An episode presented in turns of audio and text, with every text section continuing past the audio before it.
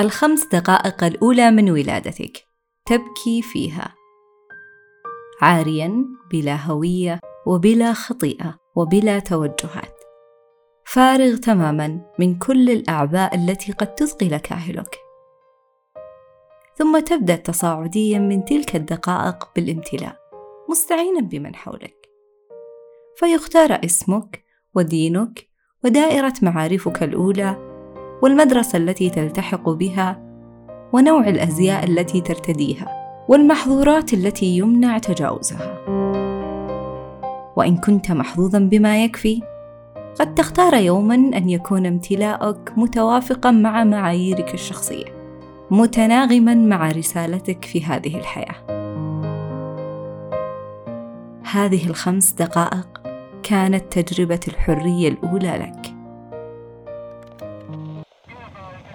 Anytime you beg another man to set you free, you will never be free.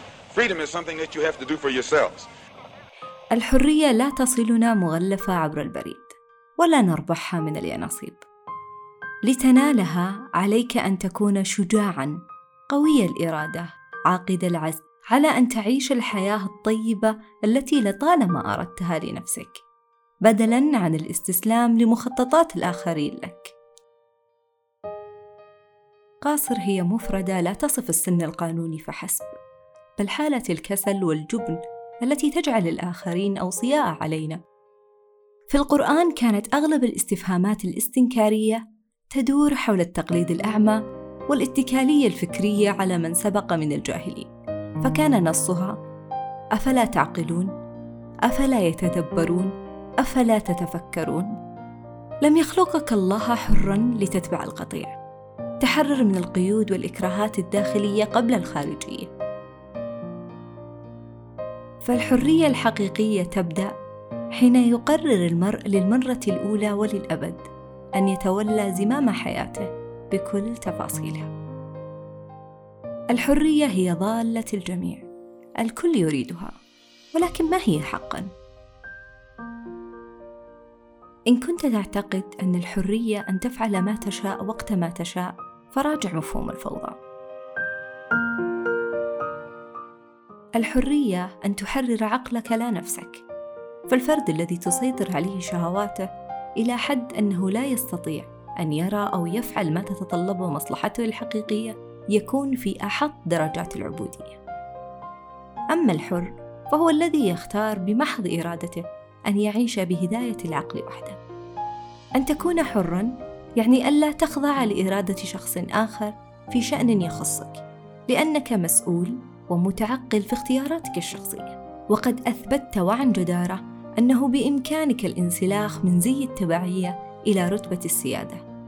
وهذه الترقية سيترتب عليها الكثير من المسؤوليات.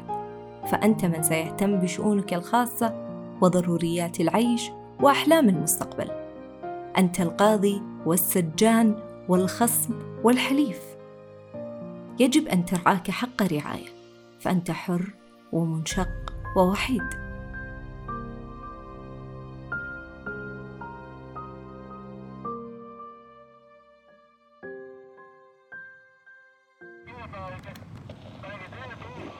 Well, what's free to you? What's what free to me? Yeah. Tell you what freedom is to me. No fear. I mean, really, no fear. الخوف هو منبع معظم الانفعالات السلبية والأهواء الحزينة وغرائز الانحطاط وضد السكينة والطمأنينة. الخوف أيضا أصل الخرافات التي تعطل العقل وتشل قدراته. فأصل القرابين والأضاحي خوف من الآلهة وأصل الدجالين والعرافين خوف من المستقبل وأصل السحر والأساطير خوف من الطبيعة. ليس السجن هو ما يبقي السجين في الداخل بل خوف السجين من عواقب الهروب هو ما يبقيه كلنا في السجن حتى نقرر ترك هوية الضحية حتى نقرر ترك الخوف من الحرية حتى نقرر أن نخاطر بالخروج إلى ضوء النهار. إلى العالم الذي لا نعرف.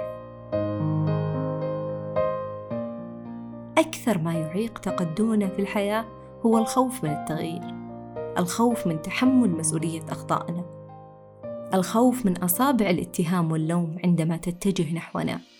ولكن السبيل إلى الحرية يستحق كل هذا العناء.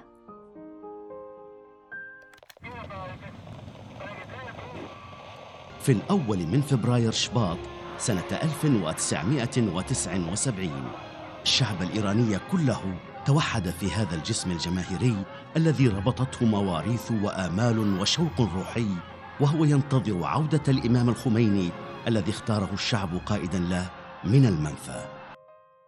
الشادور هو قطعة من القماش الأسود هرمية الشكل يرتدينها النساء في إيران امتثالا لقانون التحجب القسري. الذي فرض في عام 1981 ميلادي. الجدير بالذكر أنه على الرغم من تشدد الحكومة الإيرانية على ارتداء الشادور وفرض العقوبات على من تتهاون في لباسه لما فيه من صيانة للمرأة وحفظا لعرضها إلى أن هذا النظام نفسه يتربح المال من النساء عن طريق زواج المتعة وبيوت العفة في قم ومشهد وطهران لأن منطق النظام في التعامل مع النساء يعتمد على أن مقارعة المرأة للرجل في كل المجالات بمثابة نوع من هدر كرامتها وحيائها وبذلك حرمت من الكسب الشريف.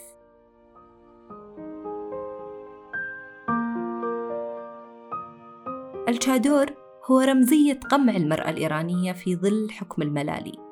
وانتهك منذ تاريخه حق حرية وأمن المرأة الإيرانية. وأصبح الشادور حدثا يرافقه الريبة والخوف والضعف.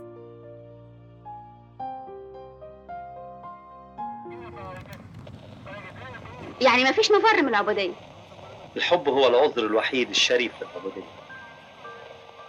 في الواقع الإنسان لا يقع في الحب بل يترفع فيه. فالأشخاص غير الناضجين هم الذين يقعون. إذ لا يمكنهم أن يقفوا على أقدامهم بمفردهم لا يملكون الشجاعة ولذا يقعون في الحب.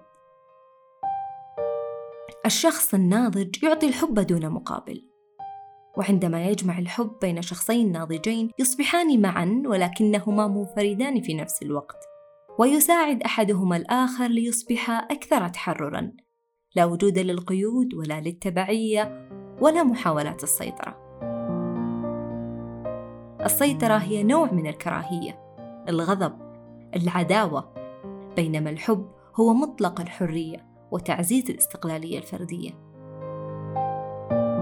الحب الذي لا يعينك على تجاوز مخاوفك الدفينة وتجاربك الأليمة ولا يمنحك الأمان ليس حبا بل هو وهم يستلب روحك ولا يحررها. إن كان الحب مدمرا للحرية فهو لا قيمة له. تخلى عنه دون التفات.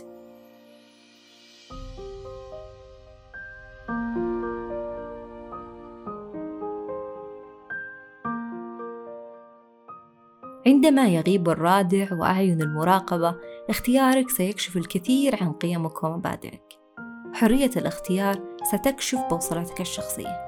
هناك جملة لخارشوف يقول فيها إن الناس لا يساقون إلى الجنة بالعصا.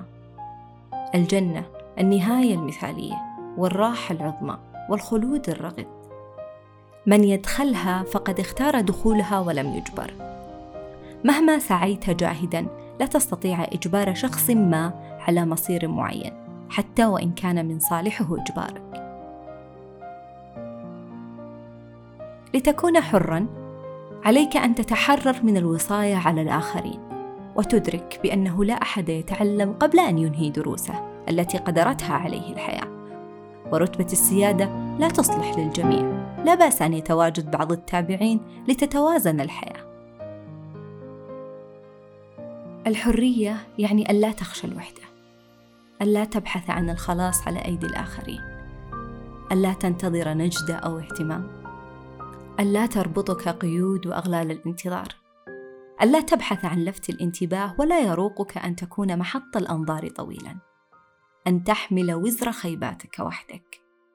وأخيرا أن تسلك طريق الاستقامة دون عصا رقيب أو غنيمة ترتجيها.